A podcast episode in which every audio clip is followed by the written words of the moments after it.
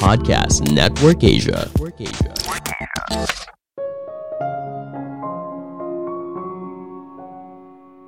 Tidak semua masalah bisa diselesaikan dengan uang. Di beberapa kasus, pemberian uang malah memperburuk situasi yang sudah ada. Halo semuanya, nama saya Michael. Selamat datang di podcast saya, Sikutu Buku. Kali ini saya akan bahas buku What Money Can Buy karya Michael J. Sandel. Sebelum kita mulai, buat kalian yang mau support podcast ini agar terus berkarya, caranya gampang banget.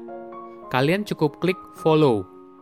Dukungan kalian membantu banget supaya kita bisa rutin posting dan bersama-sama belajar di podcast ini. Buku ini membahas hal apa yang seharusnya tidak boleh dibeli dengan uang. Di era sekarang, ibaratnya kita bisa membeli apa pun. Apakah kamu tahu kalau kamu bisa membayar kamar penjara yang lebih nyaman hanya dengan 1,2 juta rupiah per malam? Di California dan berbagai kota lainnya di Amerika Serikat, narapidana dengan kasus non-kekerasan bisa menikmati fasilitas tersebut apabila mereka sanggup membayarnya. Ini adalah contoh yang menarik. Pertanyaannya sekarang seperti ini, apakah semua hal boleh dibeli dengan uang? Penulis berusaha memberikan pandangan dari sudut pandang moral kalau ketika semua hal bisa dibeli dengan uang, maka hal ini bisa berbahaya. Bukan hanya dari sudut pandang etika, tapi hal ini akan memperlebar kesenjangan sosial dan ibaratnya dunia hanya milik yang punya uang saja. Saya merangkumnya menjadi tiga hal penting dari buku ini. Pertama, membeli apa pun dengan uang. Apakah semua hal boleh dibeli dengan uang? Selama puluhan tahun, hidup kita bergantung pada mekanisme pasar. Tentu saja, kita tidak bisa mencapai perkembangan seperti sekarang apabila mekanisme pasar tidak berjalan dengan baik perdagangan global, distribusi barang dari ujung dunia barat menuju ujung dunia timur, semua ini terjadi karena mekanisme pasar berjalan baik.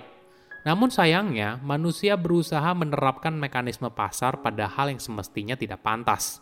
Misalnya begini, pada tahun 1999, seorang pegawai tua dari Walmart bernama Michael Rice jatuh saat membantu konsumen membawa televisi ke mobilnya. Michael lalu meninggal seminggu kemudian dan perusahaan asuransi lalu membayar klaim meninggal dunia sebesar 4,2 miliar rupiah. Namun anehnya, uang tersebut tidak diterima oleh keluarga Michael, tapi diterima oleh Walmart. Dalam gugatan hukum berikutnya, ternyata bukan hanya Michael yang mendapat perlakuan tersebut. Walmart memiliki ratusan ribu polis semacam itu pada karyawannya. Jadi setiap kali salah satu karyawannya meninggal, perusahaan besar itu ibaratnya menikmati keuntungan. Fenomena ini sering kali disebut sebagai dead peasant insurance, artinya asuransi petani kelas rendah yang meninggal. Ini adalah jenis asuransi yang merupakan kategori STOLI, Strangers Originated Life Insurance, sebuah kebijakan asuransi yang diambil pada hidup kamu oleh orang lain, bukan atas nama kamu tetapi mereka. Coba bayangkan, asuransi jiwa yang awalnya bertujuan untuk mengurangi dampak ekonomi atas kematian seseorang bagi anggota keluarganya atau tanggungannya kemudian berubah menjadi sebuah sistem yang bertaruh atas hidup seseorang. Ada contoh lain yang unik bernama Viaticals. Jadi ini adalah kebijakan asuransi bagi pasien yang mengalami penyakit kronis dan dalam kondisi yang parah misalnya AIDS. Para investor lalu membeli asuransi tersebut dan memberikan uang dalam jumlah besar kepada penderita AIDS sekaligus membayar biaya perawatannya.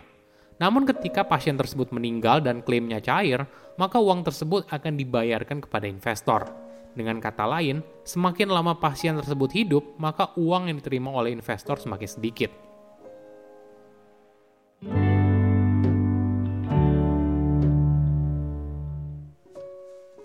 Kedua, membeli pelayanan yang lebih baik dengan uang.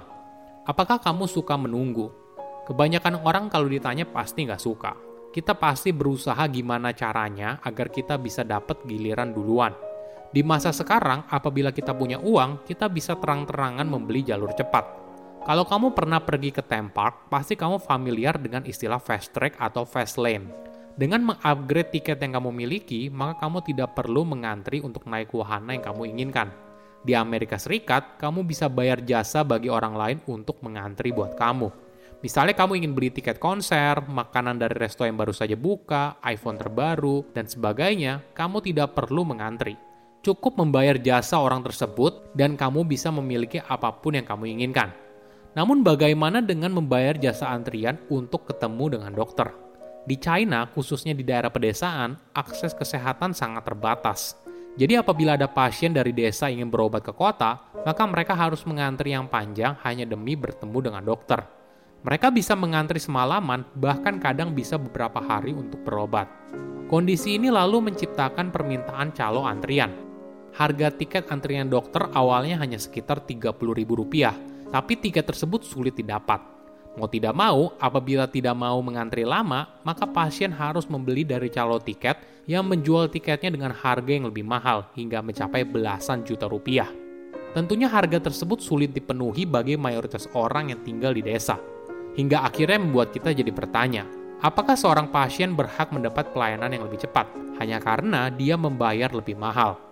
Kenapa kita harus peduli kalau uang bisa membeli pelayanan yang lebih cepat? Karena ada dua alasan. Pertama soal ketidaksetaraan. Dalam masyarakat di mana semua hal bisa dibeli, hidup pastinya akan lebih sulit bagi orang yang berpenghasilan rendah. Bayangkan apabila untuk kebutuhan dasar seperti kesehatan, layanan masyarakat, dan sebagainya, seseorang harus membayar lebih agar mereka bisa lebih cepat. Tentunya hal ini sangat merugikan orang yang berasal dari kalangan bawah. Kedua, merusak apa yang sudah baik. Tidak semua hal bisa diselesaikan dengan uang Ketika orang tua bisa membayar denda keterlambatan saat menjemput anaknya dari daycare, orang tua tersebut jadi tidak punya tanggung jawab moral untuk menjemput anaknya tepat waktu. Uang telah menghilangkan perasaan tersebut.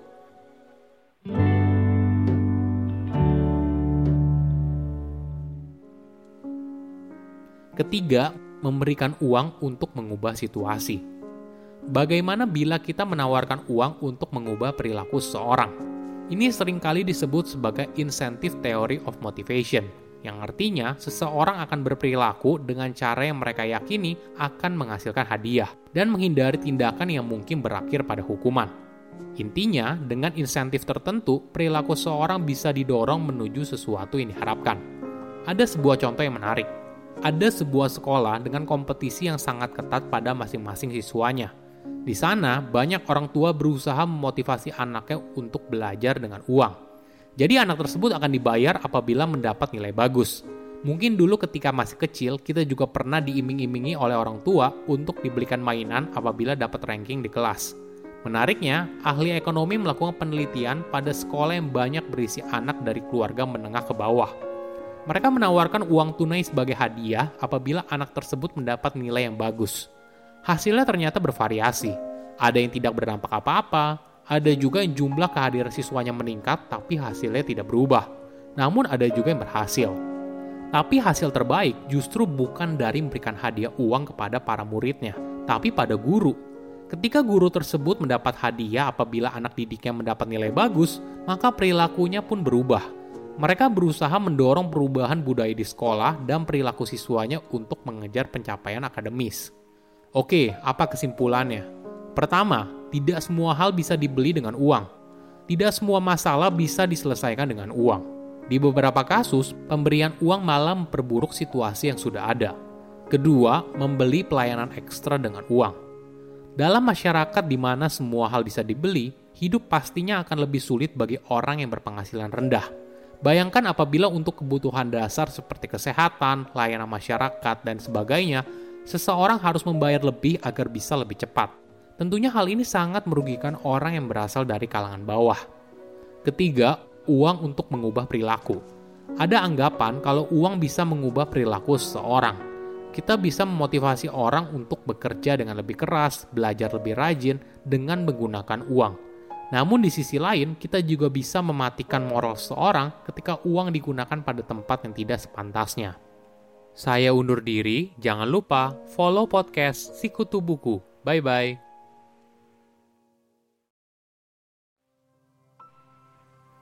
Pandangan dan opini yang disampaikan oleh kreator podcast, host, dan tamu tidak mencerminkan kebijakan resmi dan bagian dari podcast Network Asia.